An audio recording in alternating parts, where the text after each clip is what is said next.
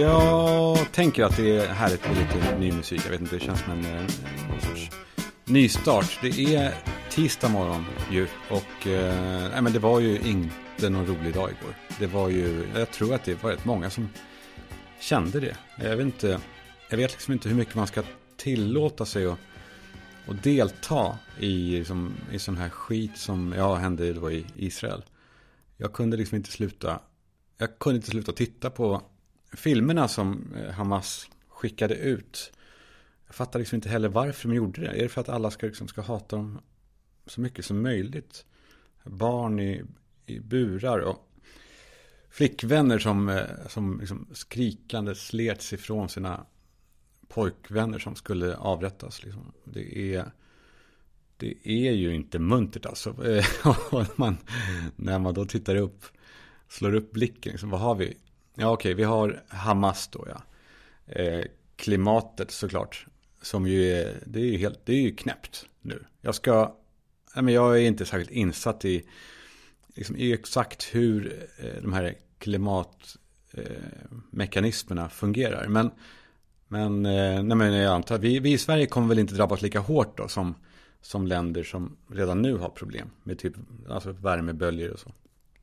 Jag tänker, tänk när alla de då behöver fly någonstans.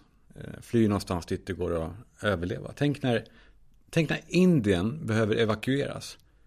Och vi får då, vad blir vår beskärda del då i Sverige? Alltså jag, jag vet inte, 10 miljoner indier som kommer komma hit och kanske ja, ställa mig mot väggen. So we finally meet Mr. Schulman. Uh, we so you were you were you're the person uh, accusing accusing us to to overprice Indian food prices on butter masala. Okay, maybe maybe uh, you're not very uh, strong now, are you, little man? Can you remind me? Maybe maybe. oh, naan bread that's be forty crowns. Garlic naan 95 crowns. Nej, okej, okay, vi har då, eh, just det, Hamas då ja. Vi har klimatet. Vi har eh, Ryssland hallojet. Vi har ekonomin såklart. Eh, med räntor och skit och lågkonjunktur som eh, kommer. Inte fattat det där. Man tror ju att den är här nu. Men, men sen bara hör man nej, nej, nej. No. You ain't seen nothing yet, Mr. Mr. Schulman. Vi har väl också någon ny pandemi va, som ligger och, ligger och lurar. Och eh, ja, men sen finns det ju massa saker som bara ligger där och pågår som man bara kan lyfta på locket eh, till. Som så här, ja, men som när man eh, ja, men går in på dumpen.se bara för att säga wow, här är en helt ny värld av, av eh, mörker liksom. Och gängen såklart. Gängen har vi ju, de är väl det mest påtagliga på något sätt just nu, här lokalt i alla fall i, i Sverige. Nu kör de eh, brandbomber hörde jag, det är ju eh, en ny nivå på något sätt av läskigt. Jag tänker ändå att jag skiter, jag skiter i dem. Jag skiter så hårt i dem. Till och med när, jag vet inte, alltså, ja det, det är liksom, fan det här är fula tankar, men det är fruktansvärt när också liksom oskyldiga drabbas. Men det börjar gå så långt nu att man bara, ja, bara det inte är jag, eller någon jag känner, alltså man, man, man blir mer och mer ego i det. Det är, det är inte en klok utveckling där alltså. För att man eh, tänker mer och mer på bara sig själv. Det känns som att det är så jävla många åskmoln på himlen nu. Att man, det går inte att förhålla sig till allting. Det går inte att stirra på dem. För då, då ser man bara, man ser bara det. Och särskilt kanske då om man, som jag och många av oss, liksom har egna processer att gå igenom. Att försöka kanske eh, bli en bättre människa eller bli, bli eh, vad, vad man nu har då liksom, det känns ju ganska meningslöst om man bara stirrar på allt det här enormt stora som tyder på att liksom, eh, jorden kommer gå under. Men vet inte vad som hinner först. Liksom. Jag vet inte om det är en atombomb eller en pandemi eller, eller klimatet som kommer att eh, kollapsa. Så eh, ja, men jag, ja, jag tänker då att min, alltså, min stora grej på så här, min personliga nivå eh, psykologiskt har varit att sätta mina egna behov längre fram. Alltså mot vad jag har gjort förut. Jag har ju, jag har ju gått åt, åt andra som inte ens har bett om det. Så det är ändå själva grunden. Och då tänker jag, det kanske man kan förstora Eh, lite grann och eh, sätta mina egna och, alltså, vad ska man säga? Alltså, man kanske ska göra så, så här också i, som medborgare, att göra det som de gör, säger på flygplan, att sätt på din syrgasmask först för att kunna hjälpa andra. Det måste man väl kanske göra då. Vi måste kanske bara safea oss själva. För eh, annars tror jag att man kanske liksom, man kan tappa hoppet på något sätt. Jag, jag känner så alla fall. jag, eh, jag har en känsla av att jag vill ut och samla massa ved och mat och fälla upp bryggan över vallgraven till min borg. Och eh, låta det bli en riktigt lång vinter och låta dem alla få döda varandra där ute. Och inte låta några, någonting ont komma över den här vallgraven. För då tänker jag också på den här vallgraven. Om man, om man står på eh, en borggård med ganska täta väggar och tittar upp. Då ser man ju bara en strimma av himlen. Alltså en skärva av himlen. Och där, då ser man inte alla de andra molnen. Man hör att det mullrar och skit där borta. Men här är det soligt. Där är vi, tänker jag kanske då. Vi, i extrafamiljen. Vi är i vår borg. Och i den borgen så eh, blir liksom eh, de mindre sakerna viktigare. Alltså när det inte är storpolitik eller liv och död eh, är, är så påtagligt hela tiden. Så blir de små e, enskilda tankarna hos enskilda människor viktiga. De små sakerna. Jag älskar de små sakerna. Det är, det är, det är viktigt tror jag att, att inte glömma de små sakerna. Alltså som eh, punkterna när, när någon skriver sms eller eh, DM. Behöver de verkligen finnas där, de här punkterna? Alltså under tiden någon skriver så ser man. dem. de sätter en jävla press på mig. Det är viktigt då i det här lilla livet. och det är härligt att vara där ibland. Alltså om det är någonting, om man får ett sms så ska man svara. Om man vill svara någonting ganska bra. Då eh, händer det för mig i alla fall att jag skriver och suddar. Jag vill inte, eller jag kanske skriver lite för mycket. Så, oh, det kanske är lite tidigt att säga så nu. Eller eh, så här, hur ska den här personen uppfatta det? Och så suddar man.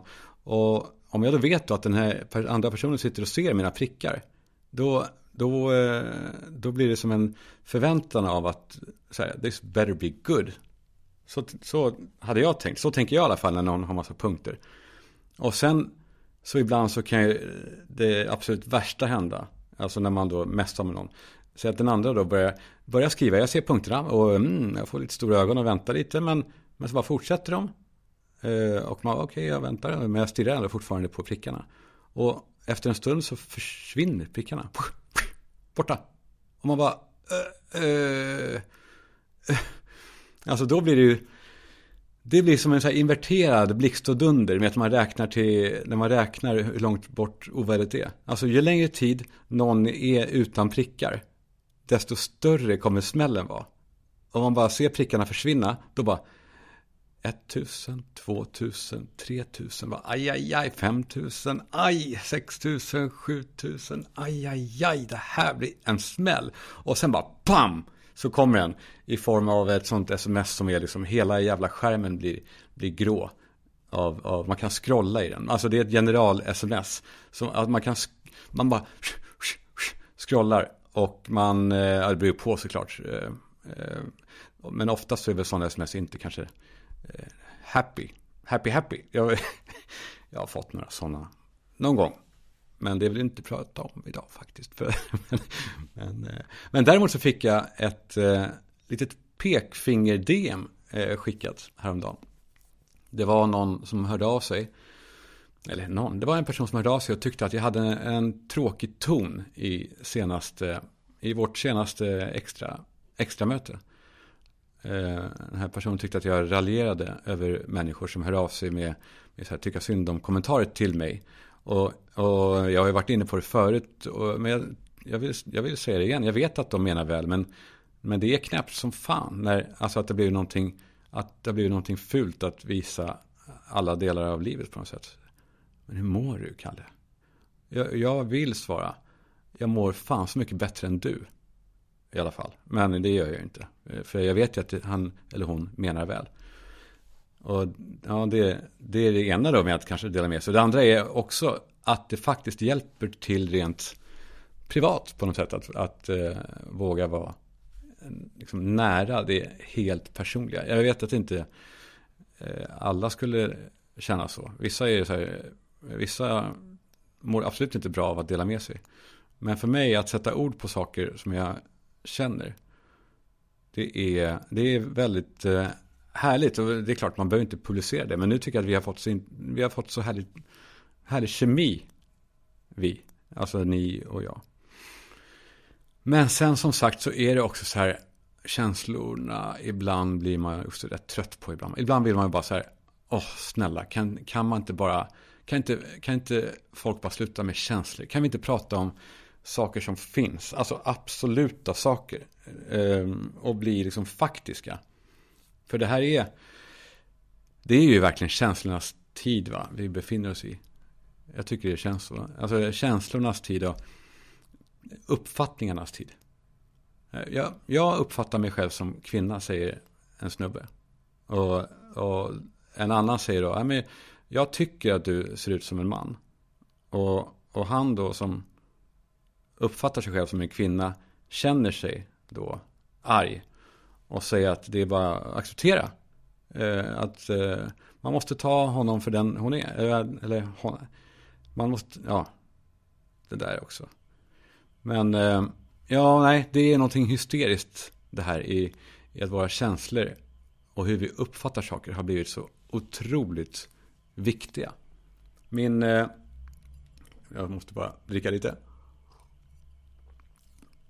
Jag har ett bra exempel, nämligen min dotter Penny.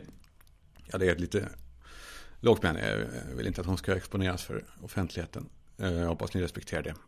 Ehm, det är upp till henne den Nej, men min dotter Penny frågade i morse hur, eh, hur kallt är det? För att hon skulle eh, ta på sig sin outfit då. Som hon gör varje morgon. Väldigt noggrant. Och jag sa det är två grader. Och Penny var så här som att jag är dum i huvudet. Bara, jo, ja, jo, två grader. Tack, men hur kallt känns det? Och hon menar då den där lilla rutan i iPhone där det står alltså vad temperaturen känns som. Om man räknar in vind och luftfuktighet och sånt där. Jag, jag, jag, jag blev matt. Så ja, ja, det står här, det känns som en grad. Ja, hon bara, okej, okay, tack, det var det jag ville.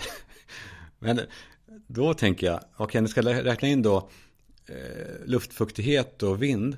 Varför stanna där i så fall, om nu känslor är så jävla viktigt? Alltså, eh, då kan man väl också ta hänsyn till eh, vad man har på sig. Såklart. Eller hur kallt känns det? Ja, det beror på vad du har på dig såklart. Eller vad, eh, vilket humör är du på? Den borde eh, också ta reda på om man är en sån som gillar när det är svalt. För då kanske det uppfattas som behagligt eller så. För den verkliga temperaturen, den som står med Celsius. Det är nu bara, det är kanske en, en hint. Det är ett förslag. Det, och det tycker jag är märkligt. Men jag säger inte att det är dåligt. Det kanske inte är dåligt. Det kanske, det kanske är modernt. Men eh, känslor är det nya fakta på något sätt. Känslor, inte bara nya fakta, känslor eh, trumfar fakta. Och eh, jag tror att den yngre generationen, de, de är uppväxta med det. De, är, de talar det flytande. Alltså de tar fasta på allt.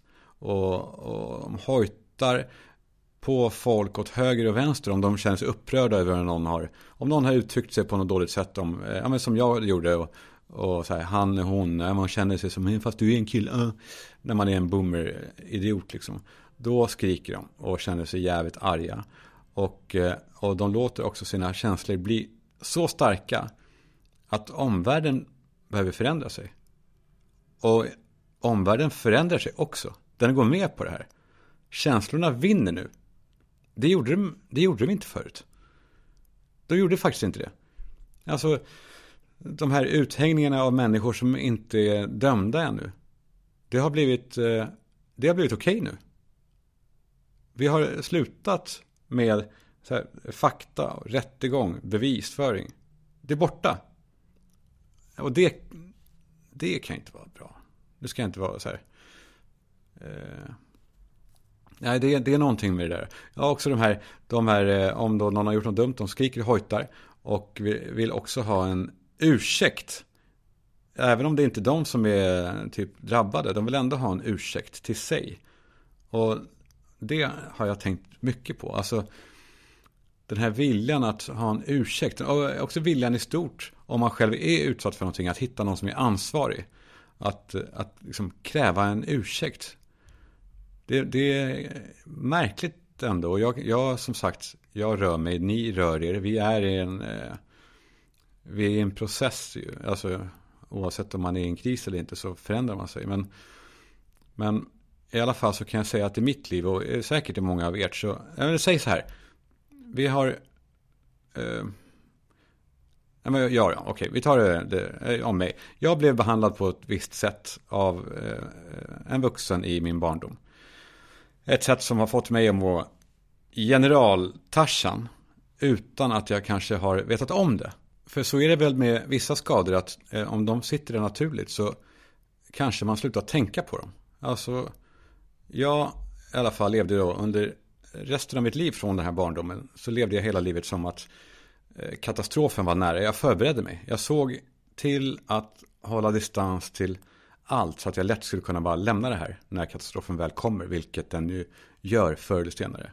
Men, men nu i efterhand så är det jättesorgligt när jag, när jag fattar det, den här, det här felet. Att alltså all närhet till människor som jag har gått miste om eh, har, har, skapat ett jävla hål i mig. Som, nu håller jag på att fixa det där. Så, att, eh, så jag ska kunna komma någon nära och eh, kanske riskera att vara med om en katastrof någon gång. För att, eh, ja, men jag vill också känna det som, jag vill också känna det som många av er känner. Alltså saker som ni tycker är helt självklara. Att, alltså, njutningen som jag har läst om och hört om är att känna sig uppskattad och omtyckt för den man faktiskt är. Fan vad det låter sorgligt. Jag vet. Men jag vet ju som sagt inget annat, så jag kan inte säga att jag är så jävla, eh, jag är olycklig. Nej, jag vet ju för mig, alltså för mig, det, det där är bara en bonus. Om det kan bli så, så är jag ju jätteglad. Eh, jag tänker, det kanske kan vara som att översättare skulle kunna vara så här, ja men, eh, eh någon jävla dåre eh, gipsade ihop eh, ett ben när jag föddes. Och eh, jag gick omkring med det och trodde att det, det här har man, det här har jag. Och nu kanske jag ska få ta bort det gipset. jag vet inte vad det är för jämförelse. Ja, skitsorgligt att ha gått omkring med det, det är det verkligen. Men om man väljer att se det som, som någonting bra, att ha någonting här framför sig, så är det ju, då är det ju härligt bara. Ja, ja, jag är inte någon preacher här. Jag vet att jag låter som det. Och, alltså, Ibland så lyssnar jag på några sekunder från några veckor sedan och så. Och bara, wow, där var jag då. Och så nu är jag här. Det, det går fort liksom framåt. Och jag känner i alla fall i stort att jag, jag kommer närmare någonting bra. I alla fall. Om jag slutar konstatera vad som är fel och vem som gjorde felet. Alltså det här gäller ju stort. Det här gäller nog alla. Det, jag vågar säga att det här gäller alla. Måste vi verkligen konstatera så mycket vad som är fel och vem som har gjort det? Det är inte särskilt intressant. Det hjälper ju inte. Jag är inte, jag är inte ute efter att någon ska säga förlåt. Det är liksom, eh, säga förlåt, det är som en lyx. Som, eller lyx, är det, är det ens en lyx? Jag tänker på att nej, men det är som att vara ute och cykla. Och så blir man påkörd av någon dåre i en bil. Och man bara woof, wobblar till och eh, styret viker sig och man faller till marken och man slår sig. Hur, hur illa? Ja, jag vet inte. Man vet inte. Man ligger där och så, oh, nu ska vi ha en skadekontroll. Jag eh, är väl där nu. Jag ligger där nu och kollar. Jag lever och så. Jag bara kollar hur illa är det här. Och det är inte så att jag skriker mot bilisterna. Hörru! Hörru! Be om ursäkt! Säg förlåt! jag ligger ju fan fortfarande kvar och vet inte om, om något är brutet liksom. Jag måste ju först kolla det. Men så, så bara hör man, även om man skulle höra bilisten där bortifrån. Så här, Förlåt, det var inte, det var inte meningen. Sorry. Gick det bra? Eh, ja, eh, då, jag vet inte. Jag är inte i stånd att prata om det och säga att det gick bra. Det jag kanske gjorde, men, men eh, nu är det ingen som ropar. Det är ingen som ropar förlåt till mig för de är ju döda i alla fall. Allihopa. Som jag skulle kunna ha bett om ett förlåt av. Jag tycker även om jag hade haft någon ansvarig i livet. Och, och de hade sagt förlåt. Så alltså det hade i alla fall inte läkt såren. Det hade ju inte lagat någonting. Alltså, de kan ju inte laga mig. Det är bara jag som kan laga mig. Alltså, absolut, man kan förlåta dem för deras skull. För att de ska må bättre. Och för att ge dem liksom frid och gott samvete. Men det är nog det enda skälet till att eh, så här, ja, du är förlåten. Jag, jag förlåter dig. För eh, om det handlar om att ha blivit riktigt sårad. Då måste man ju eh, man måste förstå att man kan inte ändra dem och deras fel. Man kan bara ändra på hur man själv tar det. För vi är ansvariga för oss själva. Vi kan inte ändra andra. Vi kan bara ändra hur vi, hur vi tar dem. Jag var på healing en gång.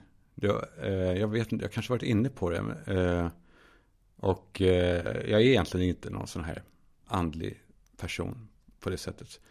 Men eh, nyfiken är jag verkligen. Eh, också på typ spöken. Alltså, spöken är jag väldigt nyfiken. Där har det verkligen hänt grejer. Kan jag säga. Men det kan vi ta en annan gång. Om, ja, men, eh, det kanske vi kan prata om en annan gång. Men he healing, det är inget... Eh, det är egentligen ingenting mystiskt med healing. Och, och som sagt, jag har gått en gång. Jag vet inte, det kanske finns tusen olika healingmetoder. Men eh, men jag fattar i alla fall nu efteråt att man har väl allting i sig redan. Alltså det finns där under, i, i undermedvetna. Jag satt, jag satt på en brits i ett rum och den här eh, healern gick runt mig. En tjej, lite, lite sexig faktiskt. Eh, var hon. På ett eh, sätt som, eh, men det var inte störande för att, ja, skit i det. Jag satt på den här britsen och hon gick runt mig och så här, knäppte med fingrarna på något sätt. Och sen plötsligt så frågade hon så här, okej, okay, Känns allt bra? Och eh, jag minns nu det här ord, alltså ordagrant och tankegrant. För att eh, jag kände att jag var med där, men jag kände också att jag kunde, jag kunde resa mig och gå. Det var inte så att jag satt i, i trans liksom. Ja, så frågade hon varför jag var där, som, som man väl alltid gör. Och jag sa att, eh, jo, men jag, var, jag, jag, sa att jag var där för att se om jag kunde eh, få, få lite mer glöd. Eh, för att jag kände att jag hade för lite. Och, eh, och jag visste liksom inte det innan jag satt där. Varför jag var där. Och eh, hon frågade mig om den här glöden då. Hur, hur den var och, eh, och hur den är nu och hur jag, hur jag vill ha den. Liksom. Och jag berättade att den var en gång stor som en apelsin och satt bredvid hjärtat. Och nu är den bara en pingisboll. Och jag är rädd att den håller på att slockna liksom mer och mer. På något sätt. Och eh, så hörde jag hon rota runt där borta och sa att hon jag har, jag har inga apelsiner. Går det bra? Ett äpple. Eh, det låter ju knäppt här. Men, eh, men jag sa att det gick jättebra. Och så fick jag hålla i det med båda händerna eh, framför mig liksom i knät. Jag vet inte om det här är intressant. Är det här intressant? Jo, nej, jag vet inte. Jo, fan. Eh, eller jag säger inte ja, det här är intressant. Men ni borde kanske testa det. Ja, i alla fall. Så kom pappa in i rummet. Han hade ju varit död i nästan 20 år då. Och han hade morgonrock på sig. Och, eh, så tog han mitt ansikte i sina händer och, och sa att han ville ge tillbaka eh, allt som jag hade gett honom. Att han eh, skämdes för att han hade tagit emot allting och krävt allting och bett om allting. Men att han inte visste att det var så dyrbart. Eh, eh, det var, jag visste inte. ja, vi kan prata mer om healing någon annan gång. Ni får gärna höra av er med era healinghistorier. Och kanske spökhistorier. Så kan vi prata här. jag... Eh, ja men, eh, jo så här då. Eh, jag kan glida in på reklam nu för jag måste eh, jag måste tacka Boka Direkt. För jag känner nu efterhand att jag slösar bort den här stunden med pappa där under healingen. För han sa saker där som jag borde ha tagit på mycket större allvar. Som när han lutade sig liksom in i mitt öra så att läpparna rörde öronsnibbarna och, och, och, och sa Sista minuten tider.se Viskade han. Jag bara, vad, vad menar du? Hitta alla rabatterade tjänster på bokadirekt.se som går ut inom 18 timmar, Karl-Johan. Och, eh, och, jag blev alldeles stel, för jag förstod liksom inte. Jag, jag frågade, men vad, hur, hur mycket rabatt då? Och då tvekade han. Och sa att eh, det är olika men eh, ofta uppåt 50 procent. Så eh, nu säger jag det till er. SistaMinutenTider.se är en, är en som en spetssajt till bokadirekt.se. På SistaMinutenTider.se hittar man allt som är rabatt på bokadirekt.se och där rabatten snart går ut och man kan göra ett riktigt klipp så att säga om man vill vara lite eh, lite rolig och ska klippa sig och vill göra ett klipp. Där har vi det. Nej, hörni. Det hände en grej. Ja, fan, det, det, här är, här har vi något kanske. Som vi kan återkomma till då och då. En, eh, jag har haft en, någon typ av livslögn. Och jag tror att de flesta av oss, i alla fall vi i extrafamiljen, vi vi är kännande personer, vi är människor. De flesta av oss har sådana. Och jag har en som jag skulle vilja, vilja dela med mig av. Eh, jag var, jag var på torpet med pappa. Och, eh, och det var bara vi där. Jag vet inte varför riktigt. Jo, det var förresten, jo så här var det. Jag, eh, mina bröder hade ju dragit. Jag var 16 och då var de, eh, hade flyttat hemifrån och slapp väl, får man väl säga. Eh, familje eh, myset. då var jag själv. Det var inte så kul. Från 14, eh, då blev jag... Då var jag själv med det där. Ja. Då var det inte mycket hjälp man fick med att stå ut. Men, eh, men, men. Okej, okay, jag var 16. Där. Typ 16 tror jag. Kanske 15 då.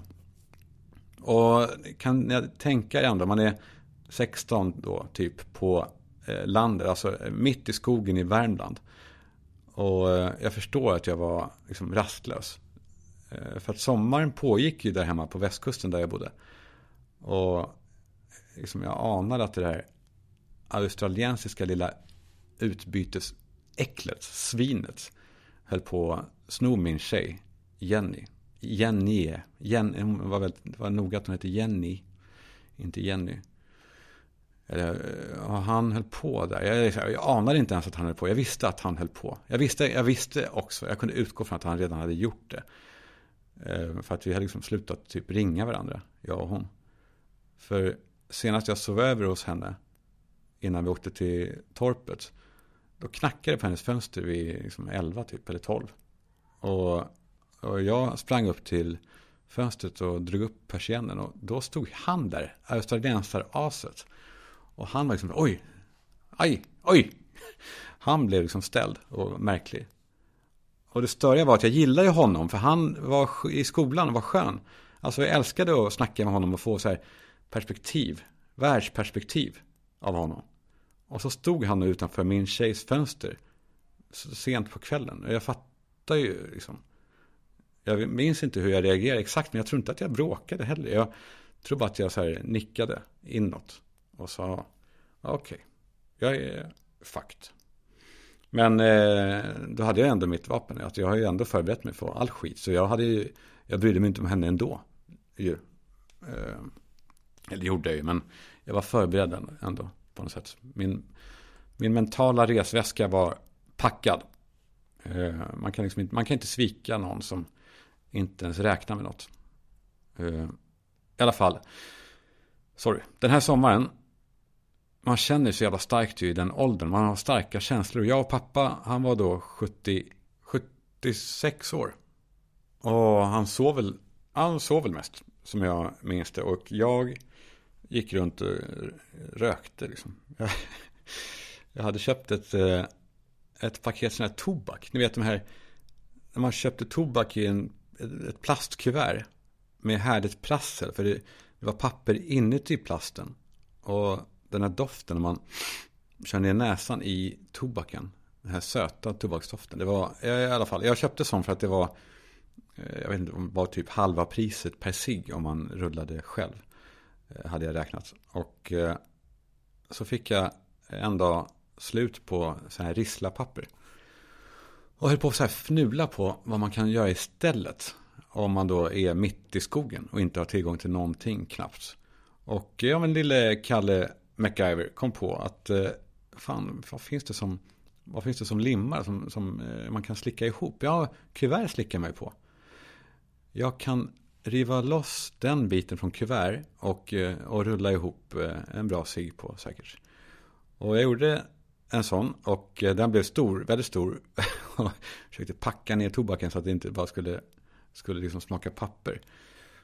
Och så ställde jag mig bakom ladan där vi tre bröder alltid bodde. Det var en, en jättestor lada. Typ 20 meter bort från boningshuset. Och den här ladan hade två våningar. Nicke hade där uppe och jag och Alex där nere. Och så var det en stor vedbod på hela liksom, ena sidan. Och i den här ladan så bodde eh, jag och bröderna hela somrarna. Tills de drog och jag var själv då. Och det var liksom inte isolerat alls. Det var plankor, plankväggar och så. Och eh, på kalla nätter då, då kom pappa och satte på ett, eh, som en sorts fotogenelement som var alltså från 30-talet. Jag tror att det, alltså, ja, det där var farliga grejer. Jag tror inte att de är lagliga. Alltså. Eh, för det var någon typ av, det var som att sova bredvid en tänd eh, gasspis. Liksom. För det var lågor och, och skit. Och den här ladan, alltså, den, var, den var så fin ändå. Alla affischer på Kiss satt kvar. Mandy Smith och Sabrina och Samantha Fox. Som var lesbisk. Fan vilken chock det var då. Ändå, alltså när det kom fram var det så här. Fan, hon har lurat mig. Hur lurar hon mig? Ehm, det var liksom. Eh, det var den första insikten man fick av. Eh, av att man, eh, man fattade att hon står inte och visar brösten för att hon blir sugen utan ehm, av andra anledningar. Ja, okay. Jag står bakom den här ladan och, och rökte den här, den här enorma eh, cigaretten. Cigaretten, det var, såg ut som en, det såg ut som en, så här, som en så här, eh, tecknad eh, spliff, typ. Ja, så ropade pappa borta från, från huset. Karl Johan, Karl Johan, Karl Johan, Karl Johan.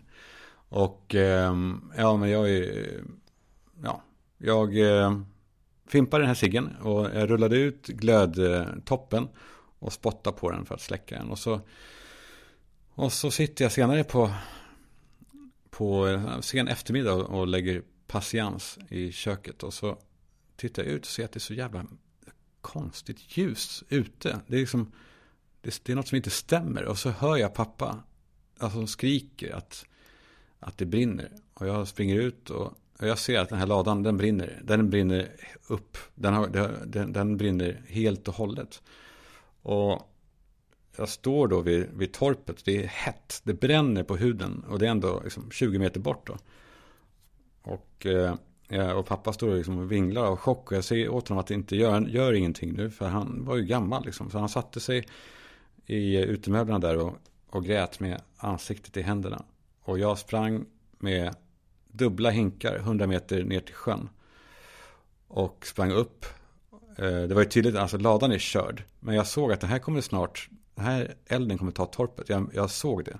Den tog sig liksom ditåt. Och jag tänkte att okej, okay, jag kommer inte... Jag, jag, så här, jag, jag, jag dränker marken en bit framför torpet. Men inte liksom för nära elden. För då ska jag inte hinna klart innan elden har tagit upp den. Så jag, jag lät elden ta liksom 10 meter till. Och eh, satsade allt på att stoppa elden där. Eh, ja men eh, där, dit den skulle komma, kanske fem minuter senare eller så. Och jag vet inte hur många gånger jag sprang av och an, men jag, jag är 100% säker på att det är min största kroppsliga prestation någonsin i livet. Och jag klarade det. Pappa hade ringt eh, brandkåren och som kom, jag vet inte hur lång tid det tog innan de kom. Eh, och de sa att jag var duktig och så. Men det var inget som fäste direkt. Det var inte så att jag sa tack, får man medalj nu? Utan eh, jag dröp av nog. För att eh, elden var ju min. Det var ju mitt fel. Det var ju jag. Jag visste det. Och jag hörde pappa pratade med, med den här brandchefen som, som sa att ja, men sånt här kan hända varma sommardagar när det kan vara omväxlande väder och att blixten kan slå ner utan att man knappt märker det. Och pappa nickade och, och, och instämde och, och brandchefen sa också att det kan också vara en gammal eh, som de heter, markeld någonting som ligger och slumrar under marken i, i flera veckor och sen kan det bara pff, blossa upp. Och pappa nickade ännu mer och jag blev ju då väldigt lättad. Jag blev ju, jag, jag blev otroligt lättad och andades ut och, eh, och sov. Jag vet inte hur länge, jag sov så länge. Och jag, jag eh, låg då i rummet bredvid köket som jag hade fått flytta in. Jag hörde pappa prata med försäkringsbolaget om det här, det här som hade hänt någon dag senare. Och jag hörde hur han berättade om vad som hade funnits i den här ladan. Eh, och det var tydligen stod det någon eh, gustaviansk byrå som jag inte hade, jag hade inte, jag hade inte sett den eh, faktiskt. Och, och sådär. Men, eh, men ja, jag kände att jag ska inte rota i det här. Eh, jag ska inte ställa pappa till svars här nu. Ja, sen dess i alla fall så ser det ut som att eh, torpet har tappat en framtand när man, eh, när man ser hela stället. Det har varit svart i marken i många år och nu börjar det växa över lite grann. Och jag erkänner inte för någon det här. Men eh, till slut så blev jag liksom så hemmastad att jag nästan trodde på mig själv i det. Den här svarta klumpen i min mage blev en, en del av mig som jag inte liksom, aktivt vantrivdes med längre. Och så dog mamma och pappa i tron att det var Oskar som gjorde det där. Men det var jag. Ehm, fan, härligt ändå med erkännanden. Det här är skönt. Kanske kan ni erkänna någonting. Alltså superanonymt. Ehm, så vore det otroligt spännande att höra erkännanden. Eh, skicka det på DM till mig då. Så kan jag bara dra upp dem. Och, och eh, som sagt, det är en hederssak. Det är superanonymt om det är sådana saker. Men sen om ni öppnar med vilka ni är så är det ännu roligare. Jag har fått in några grejer som killar gör. Mm, mm. Men först bara en grej som par gör. Eh, förut så sa ju folk så här, eh, ett par så här, ja vi ska, vi ska ha barn. Eh, vad härligt, de, är, de ska få barn. Och sen så sa de, vi är gravida, vilket ju är så jävla äckligt. Men det har man också slutat med, så här, vi, vi, uh, jag, uh, jag får så här, uh, uh. Eh, för det är ju inte så. Det är bara, ja. Men det som par gör nu, det är att allting eh, runt att de ska få barn, det kommuniceras genom typ eh, kodord. Som så här, i sommar blir vi tre. Mm. Eller så här, emojis, som den här personen föreslår. Klockrent snyggt. Eh, emojis eh, på så här, eh, en liten bebis bara. Eller, som han också skriver, en bild på tre par Converse och där ett av paren är så bebisstorlek. Ja, kolla här.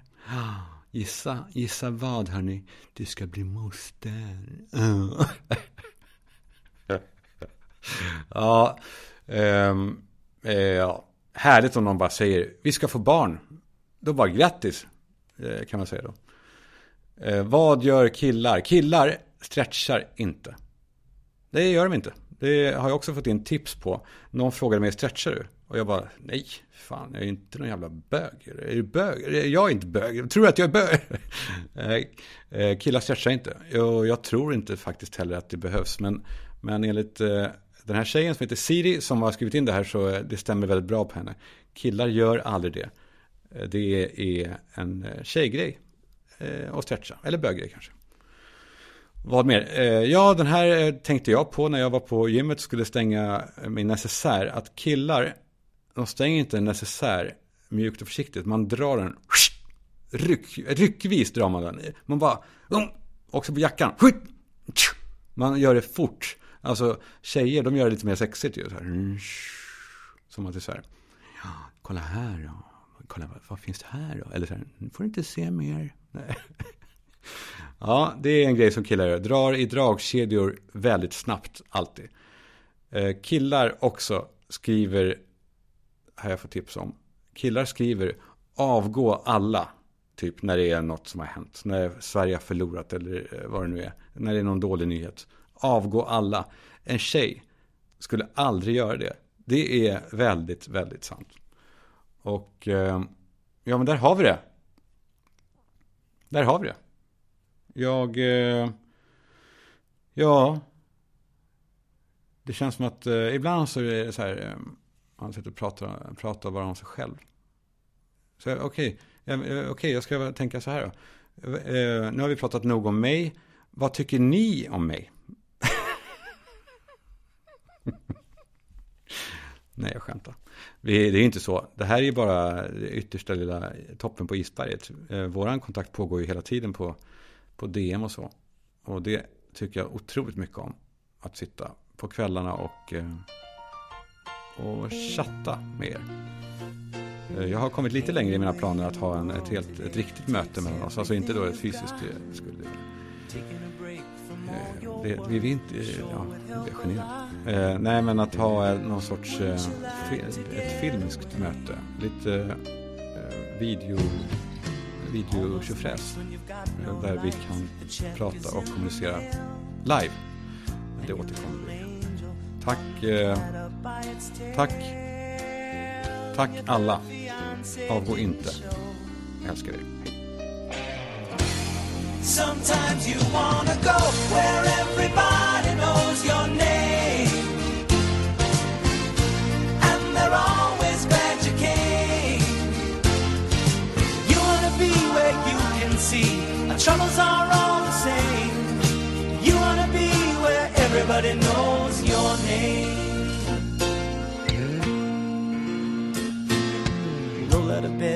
Coffee's dead. The morning's looking bright and your shrink ran off to Europe and didn't even write.